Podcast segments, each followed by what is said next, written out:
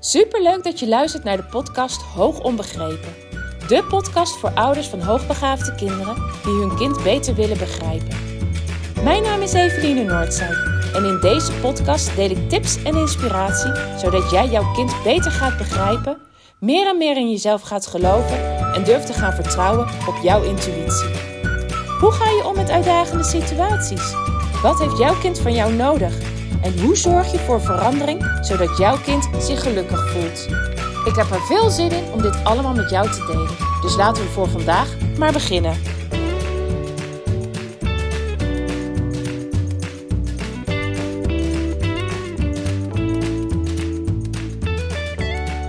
Ha, lieve luisteraars. Een nieuwe week en nog weer een nieuwe podcast. We zijn inmiddels alweer een week verder sinds de laatste podcast online is gegaan. En afgelopen week ben ik met mijn kinderen gaan kamperen op een camping. En ik was daar niet alleen, er waren namelijk een heleboel andere gezinnen met hoogbegaafde kinderen. Eh, er is iemand, Sandra School, als ik het goed uitspreek, die organiseert elke maand samen met haar uh, thuiszittende HB-dochter een, uh, ja, een activiteit speciaal gericht op hoogbegaafde kinderen.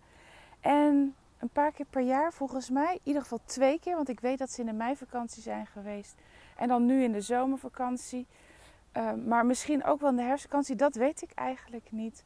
Organiseert zij een moment om met uh, meerdere ouders, meerdere gezinnen te gaan kamperen. En dit jaar was het in Noord-Brabant uh, op de camping in Vessem. En nou ja, je moet dan zelf je plek daar boeken. Maar zij heeft wel contact dan met de camping om te zorgen dat we uh, met iedereen die met eigen kampeermiddel komt ook bij elkaar op het veld stond. En dat was in dit, dit moment ook, deze zomer, afgelopen week. En ik denk dat we misschien wel met meer dan 25 gezinnen waren die op het veld stonden, maar er stonden er ook een aantal die hadden een huisje of een uh, safari-tent gehuurd op de camping. Dus behoorlijk wat gezinnen met hoogbegaafde kinderen. En van kleine kinderen vanaf een jaar of twee, drie tot aan uh, pubers.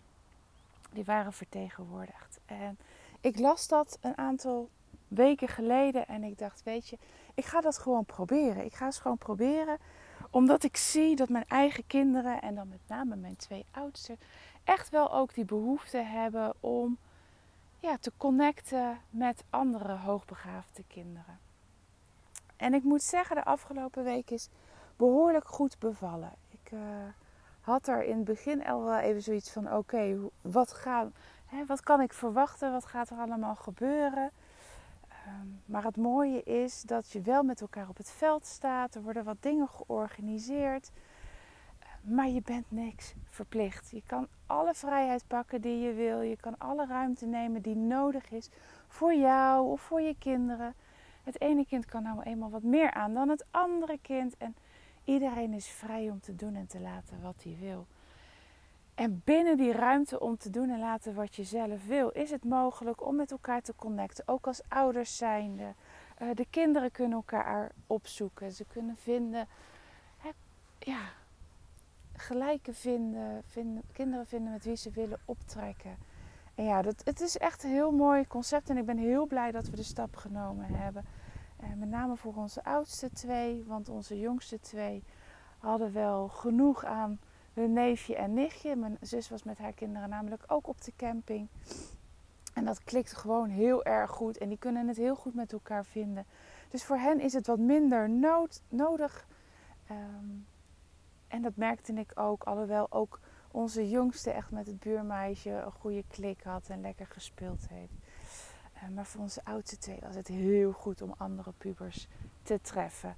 En uh, ja, nogmaals, ik ben echt heel blij dat ik die, ja, die stap genomen heb. Want het vinden van peers, uh, het vinden van ontwikkelingsgelijken is gewoon nou eenmaal niet heel erg makkelijk. Zeker niet omdat ze ook niet op school zitten. Um, maar naar school gaan is geen voorwaarde. Ik heb genoeg ouders afgelopen week gesproken waarbij de kinderen wel op, naar school gaan, uh, ontwikkelingsgelijken kunnen treffen, um, maar dat het dan toch ook vaak moeilijk is. En ja, dat begrijp ik ook wel, want op het moment dat jij naar school gaat en je, je zit in de klas met één, twee, drie andere hoogbegaafden. Moet het ook maar op de andere vlakken klikken. En ja, dat is natuurlijk mooi als je met zoveel kinderen bent. Met het ene klik je wel, met de andere klik je niet. En ze kunnen gewoon op zoek gaan naar de kinderen met wie het wel klikt. Uh, en ik, ik heb dat teruggehoord en gelezen ook in de app. Dat dat ook gewoon gebeurd is. Ieder kind heeft wel ergens bij iemand aansluiting gevonden. Of in ieder geval heeft het ja, even contacten opgedaan. Heeft het even gemerkt van, oh ja, weet je, er zijn meer kinderen zoals ik. Ik ben niet de enige. En dat is heel erg waardevol geweest. Dus uh, ja, mocht je denken van, goh, uh, ja, dit klinkt wel heel erg goed. Uh, je mag altijd even contact met me opnemen. Dan zal ik je de naam van Sandra even doorgeven. Um, eventueel ook uh, aan haar aan je linken.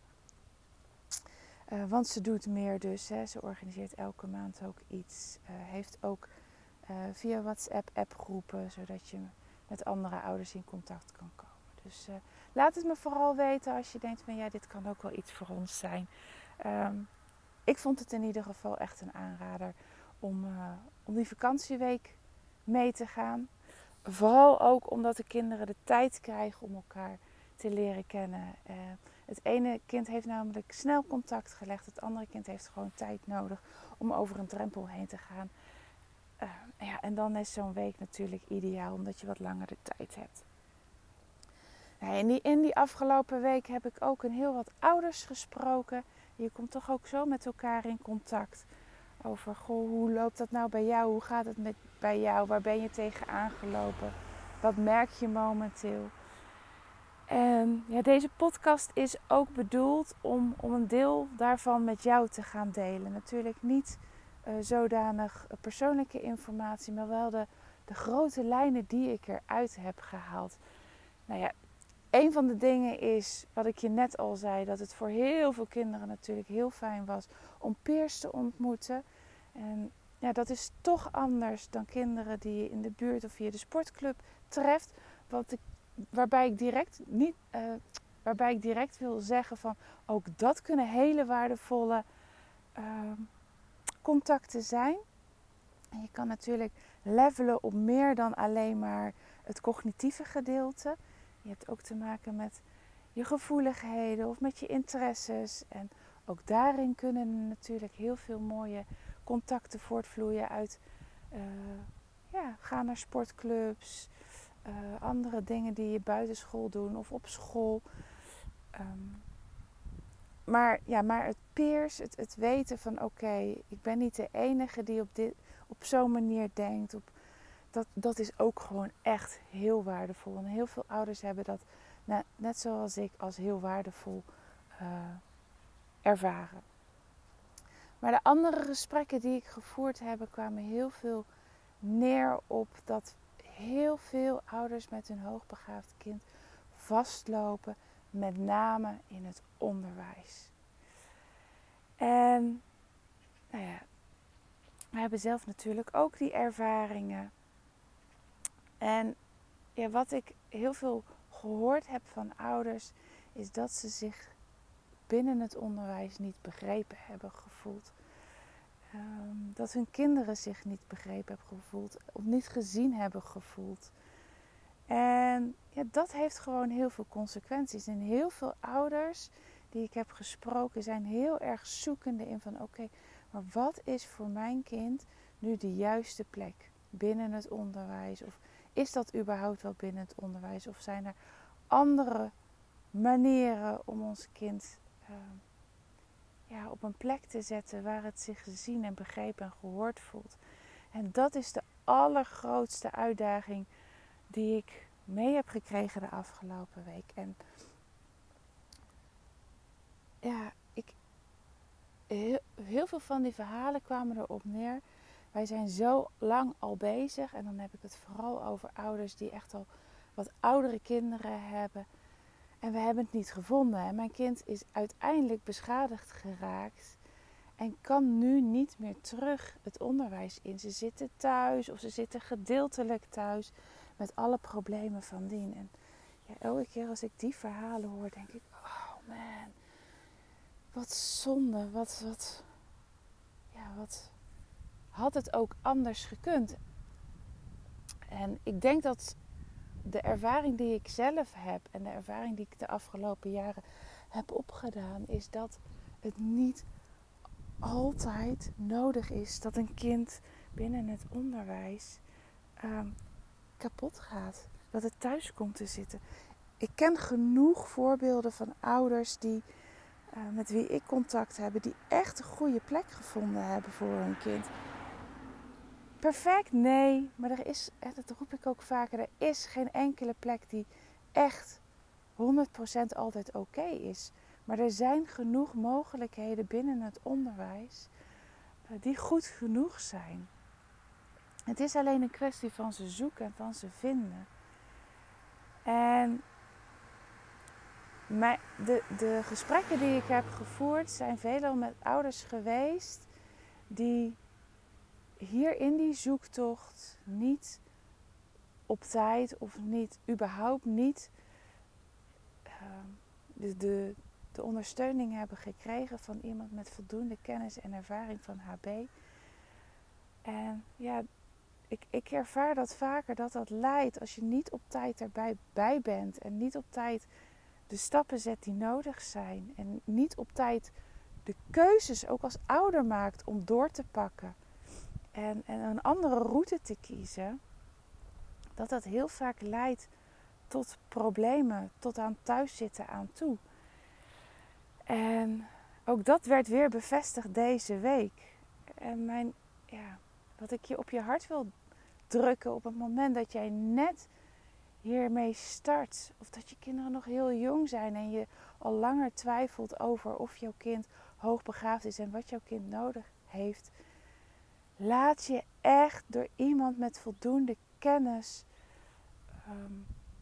ja, bijpraten over de stappen die je kan nemen.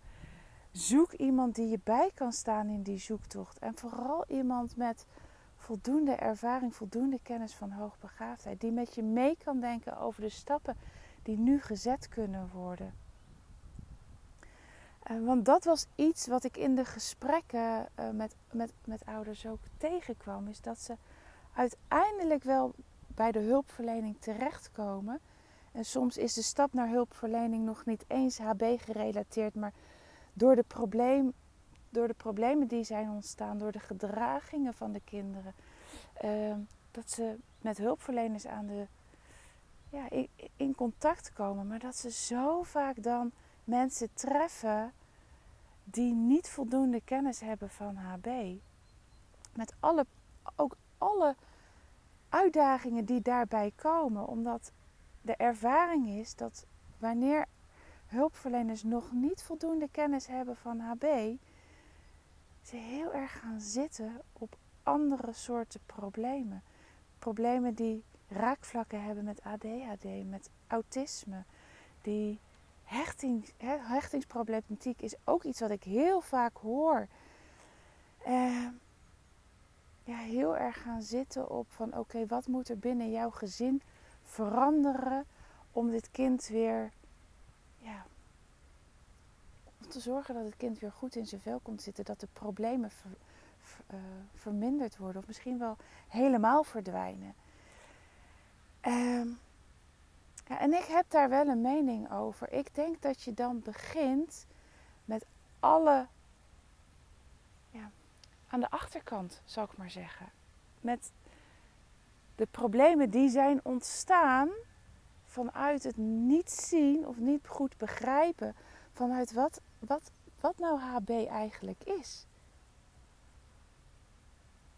Want die gedragingen die je bij hoogbegaafde kinderen ziet, is altijd een reactie op het feit dat ze niet krijgen of niet voldoende hebben gekregen, of nu nog steeds niet voldoende krijgen, en daarmee dus niet voldoende gezien en gehoord worden op dat HB-gebied. En kinderen kunnen dat heel vaak niet goed onder woorden brengen. Voor hen is, is alles wat ze meemaken, ja, dat, dat is een feit. Maar om nou te gaan, om te kunnen vertellen van wat daaronder ligt, hebben ze niet. En gaan ze, gaan ze communiceren met hun gedrag. Maar gedrag van kinderen is een signaal. Een signaal dat je moet gaan zoeken. Maar ga niet aan de achterkant zoeken. Ga niet zoeken binnen de gedragingen. Maar ga kijken wat er onder ligt. Wat daar onder de oppervlakte ligt. En ik kan dat jou als ouder niet genoeg benadrukken. Ga kijken wat de oorzaak is. En ga niet je direct focussen op hetgene wat je ziet onderaan de, boven de oppervlakte. Die zoektocht naar wat jouw kind nodig heeft gaat veel dieper dan alleen de gedragsmatige observaties. En in mijn visie zijn heel veel stoornissen die kinderen krijgen, heel veel labels die kinderen krijgen, zijn gebaseerd op gedragingen. De, de, de gedragingen die je aan de oppervlakte ziet. Maar ga niet tot de kern van wat er echt daadwerkelijk aan de hand is.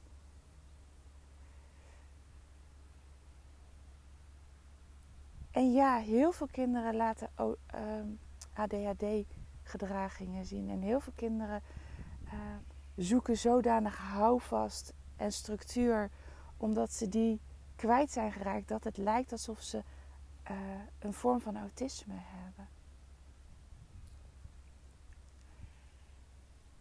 Maar dat zijn allemaal gedragsmatige observaties. Het, een stoornis zoals autisme, ADHD, uh, hechtheid, gehechtheidsproblematieken zijn allemaal gebaseerd op de uiterlijke kenmerken die jouw kind vertoont, in die zin op zijn gedrag. En het is maar net door welke bril je kijkt wat je ziet. En ik hou ervan om daadwerkelijk op zoek te gaan naar de oorzaak. En in mijn ogen zijn stoornissen zoals ADHD en uh, autisme, hechtingsproblematiek, zijn bij hoogbegaafde kinderen heel vaak niet de oorzaak. Het zijn uitingen van het feit dat ze niet voldoende gezien, niet voldoende gehoord, niet voldoende begrepen worden en daarbij dus niet voldoende op hen aangesloten wordt. En dan hoor ik heel veel mensen, als ze dit mij horen zeggen, al zeggen: ja, maar HB is toch ook een stoornis? HB wordt toch ook gebaseerd op gedragingen? Nee. Nee en nog eens nee. HB is geen stoornis. HB kan je vast uh, je kan je grijpen door middel van een IQ-onderzoek.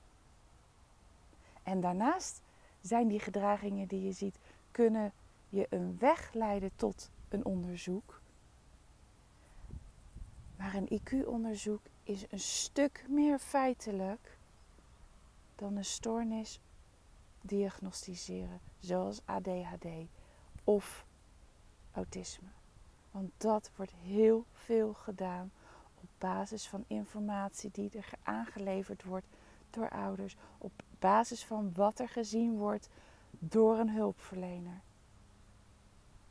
En wat jij ziet als hulpverlener, wat jij opmerkt, aangedragingen van een kind zijn niet objectief.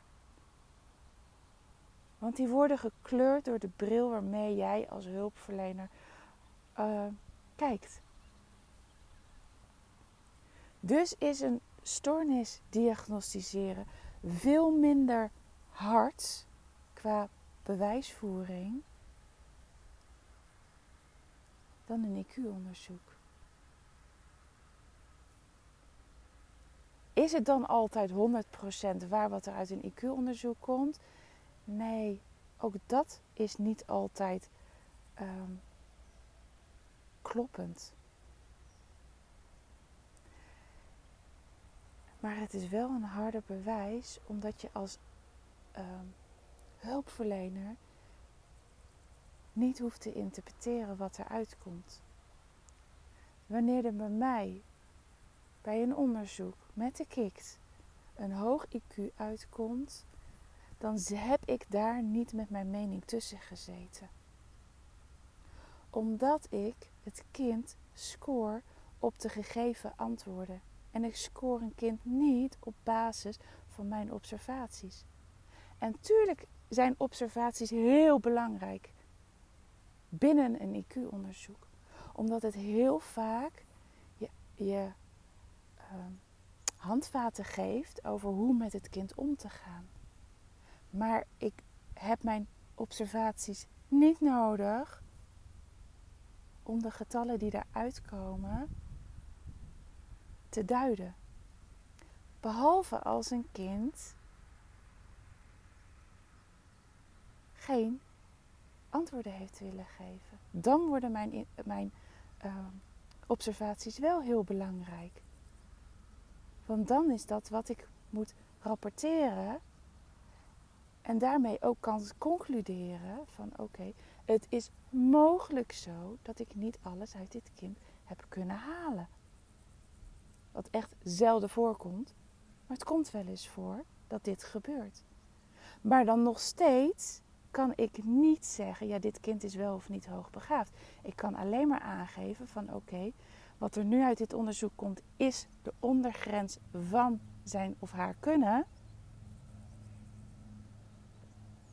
En mogelijk dat er meer in zit. In zit. Want dit kind heeft niet op alle vragen antwoord willen geven. Of is zodanig in de knoop met zichzelf geraakt dat ik het onderzoek uh, of deze subtest niet verder heb doorgevoerd. Omdat het kind zo vreselijk in de stress raakt. Maar ik kan nog steeds niks met hard bewijs zeggen over de hoogte van het IQ. Er zijn alleen dan maar aanwijzingen. Dus de scores die uit een IQ-onderzoek komen, uh, zijn harder bewijs dan de stoornissen die op basis van observaties gemaakt worden. Want het verschilt nog wel wat jij als ouder over je kind zegt, of dat wel of niet gezien kan worden als ADHD-gedragingen of als autisme-gedragingen. Dus dat is wel iets wat ik je mee wil geven. Sta jij aan het begin van die zoektocht? Of ben je misschien al verder in die zoektocht en zeg je van ja, mijn kind heeft wel die diagnoses, maar we komen er niet verder mee. Besef dan heel goed dat aan de ene kant, als je aan het begin staat, dat het misschien veel beter is om echt sec alleen maar onderzoek te laten doen naar hoogbegaafdheid, met dus een IQ-onderzoek. Omdat ik weet dat heel veel kinderen bepaalde gedragingen laten zien, maar die niet meer laten zien wanneer ze eenmaal de juiste aansluiting krijgen, het juiste onderwijs krijgen en de juiste begeleiding in de thuissituatie krijgen. Ik roep ook altijd, uh, mijn kinderen hadden vroeger echt werkelijk waar elke diagnose kunnen krijgen. Van ODD tot ADHD, tot ADD, tot autisme, tot nou weet ik veel wat. En ik heb daar bewust nooit voor gekozen. Uh, maar ze zijn ook weer verdwenen. En dat heeft te maken met krijgen wat je nodig hebt en gezien worden.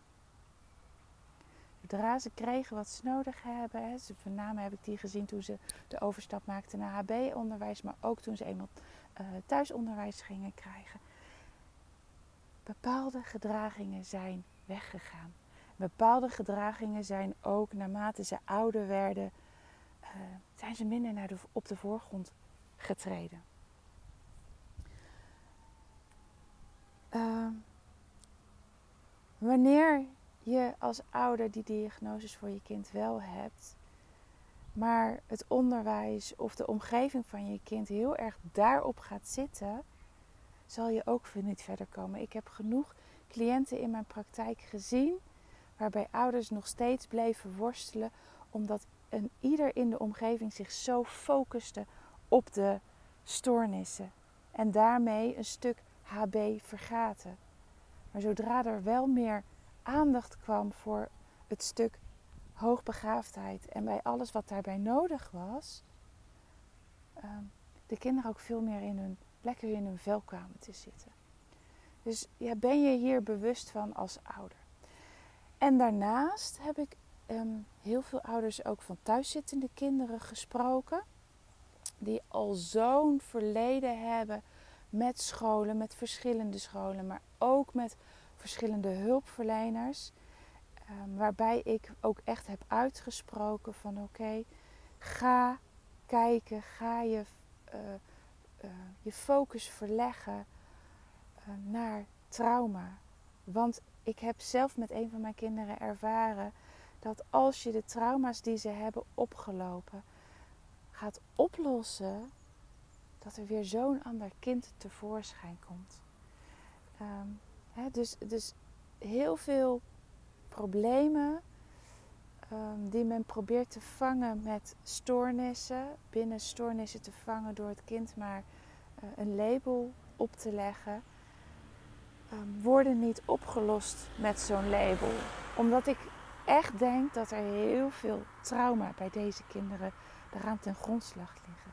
En dan is traumatherapie echt belangrijk. Um, en ja, het is niet altijd even duidelijk voor ouders dat er trauma onder ligt. Maar heel veel van deze kinderen hebben heel veel situaties meegemaakt. En dat hoeft voor ons als ouder of voor ons als hulpverlener of ons als buitenstaander uh, niet groot te lijken. Maar kunnen, kunnen voor deze kinderen wel echt zo'n danige impact hebben gehad. Dat je kan spreken van een trauma. Er hoeft niet altijd um, te maken te hebben. En heel veel ouders en hulpverleners denken dat nog steeds trauma is iets wat groots is. Wat te maken heeft met misbruik of wat te maken heeft met uh, mishandeling. Of, nee, soms kan het al iets kleins zijn wat zo'n impact op jouw kind heeft gehad en wat jouw kind niet alleen heeft kunnen verwerken. Eigenlijk wil een trauma zeggen dat het verwerkingsproces niet meer, of ja, niet op gang is gekomen. Het is gestagneerd en daar heeft jouw kind nu nog last van. En ik weet dus dat uh, traumaverwerking echt uh, heel erg waardevol kan zijn. Ik heb dat echt bij een van mijn eigen kinderen gezien. Wat voor verschil dat maakt. Door uh, in ons geval dan een aantal keer EMDR. en ik weet ook um, zelf, want ik, ik doe zelf ook EMDR wat voor grootste effecten je kan bereiken. Ik heb dat de laatste half jaar twee keer mogen zien bij kinderen die uh, bang waren voor water. Of in die zin bang waren en dan nog wel gingen douchen, maar met mega ja, of strijd of nou, het kind was er enigszins aan gewerkt, maar het ging nooit vlekkeloos en soepel. Het kind dat niet met zijn hoofd onder water durfde te gaan onder de douche of, of in bad. En het al maar helemaal niet te hebben over een zwembad, want dat was helemaal een, een ding voor deze kinderen. Uh, en, en met twee, drie keer EMDR-sessie gaan van moeilijk, moeizaam uh, tot niet willen en stagneren in de zwemles, tot kinderen die zich weer frank en vrij voelden in het water. Dus ja, EMDR is zo'n krachtig middel, zo'n mooi iets. Dus als je denkt aan, aan dat je kind toch misschien wel trauma ergens heeft opgelopen. Um, wat maakt dat het nu moeilijk, moeizaam gaat. Ja, ga echt kijken naar traumaverwerking. Dat kan door middel van EMDR. Het kan ook op andere manieren. Maar het is echt waardevol om daarnaar te gaan kijken. Um, ja, dit. Dit is wat ik afgelopen week eruit heb gehaald. Zorg dat je op tijd uh, denkt aan hoogbegaafdheid. Zorg dat je op tijd, wanneer je merkt dat je er zelf niet voldoende uitkomt. Ja, dat is denk ik wat ik ook nog op je hart wil dragen.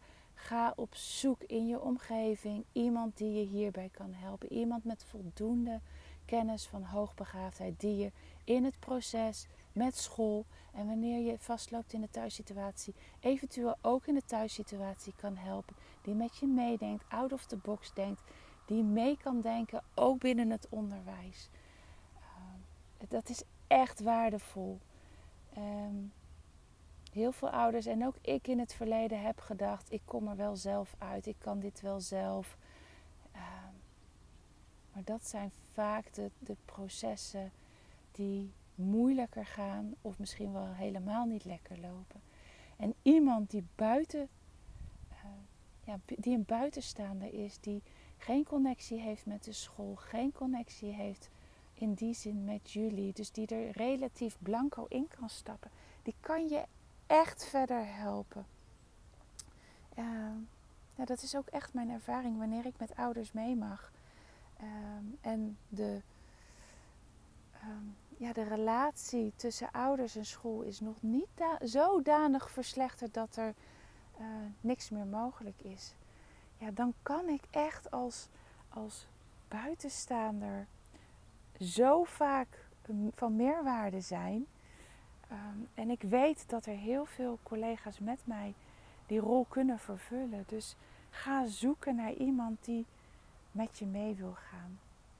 En doe dat op tijd. Laat je het contact met de school niet dusdanig verslechteren alvorens uh, stappen te nemen. Want dan is het vaak, ja, dan loop je vaak zodanig vast dat ook een buitenstaander, voor, het voor een buitenstaander gewoon lastiger wordt om de boel weer vlot te trekken. Um, ga op zoek. Ga eerst kijken wat je kind, wat het voor je kind kan doen als je echt focust op hoogbegaafdheid. En je zoekt toch naar wat het kind nodig heeft binnen het onderwijs, binnen je gezinssituatie. En ja, laat je niet te snel verleiden tot het kijken naar stoornissen dat is echt ook iets wat ik je mee wil geven. En uh, daarnaast is als je kind is vastgelopen en je merkt dat het, ja, dat het echt niet lekker loopt, dat je kind met zichzelf in de knoop zit, ga, ga ook kijken wat traumaverwerking uh, voor jouw gezin, voor jouw kind kan betekenen. Nou, dit is een hele lange podcast. Ik wil je echt zoveel meegeven naar aanleiding van afgelopen week. Dat heb ik tot bij deze ook gedaan.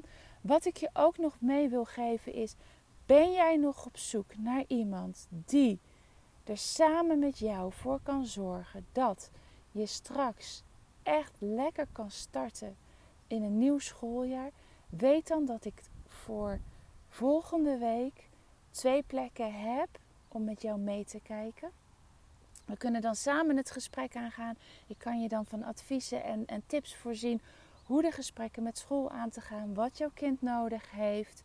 Uh, dat doen we online. We gaan samen in gesprek um, over hoe jij uh, ja, het beste de het schooljaar kan gaan starten. En wil je gebruik van deze twee mogelijkheden maken? Stuur mij dan even een berichtje. Dat kan via, um, uh, nou, via de mail in ieder geval. Info at Het is niet iets wat je op mijn site kan vinden. Uh, je, je, moet mij echt daar eventjes over contacten, zodat we ook direct uh, een datum kunnen plannen om die online, dat online consult plaats te kunnen laten vinden. Of je kunt me een DM sturen via Instagram. Op die manier ben ik ook makkelijk te bereiken. We hebben samen online een gesprek. De kosten zijn 45, 45 85 euro uh, voor het online gesprek wat wij samen hebben. Maar daarnaast mag je ook de hele maand september uh, gebruik maken uh, van, ja, van e-mailcontact met mij. Zodra je ergens tegenaan loopt of je vragen hebt, het stopt niet na dat ene gesprek wat wij dan hebben. Je kan ook onbeperkt gebruik maken van e-mailcontact, zodat ik je ook gaandeweg de, de eerste weken van het schooljaar verder kan helpen. Nou, wil je daar gebruik van maken? Laat het even weten. Ik heb twee mogelijkheden volgende week um, om uh, je daarbij te helpen. Dus eh, laat het me vooral eten als je daar gebruik van wil maken. Dan ga ik deze podcast afsluiten. Dankjewel voor het luisteren. Dankjewel als je de hele podcast hebt willen afluisteren. Want het was me nogal wat. En eh, ik wens je voor vandaag weer een hele fijne dag. En ik spreek je snel weer. Doei doei!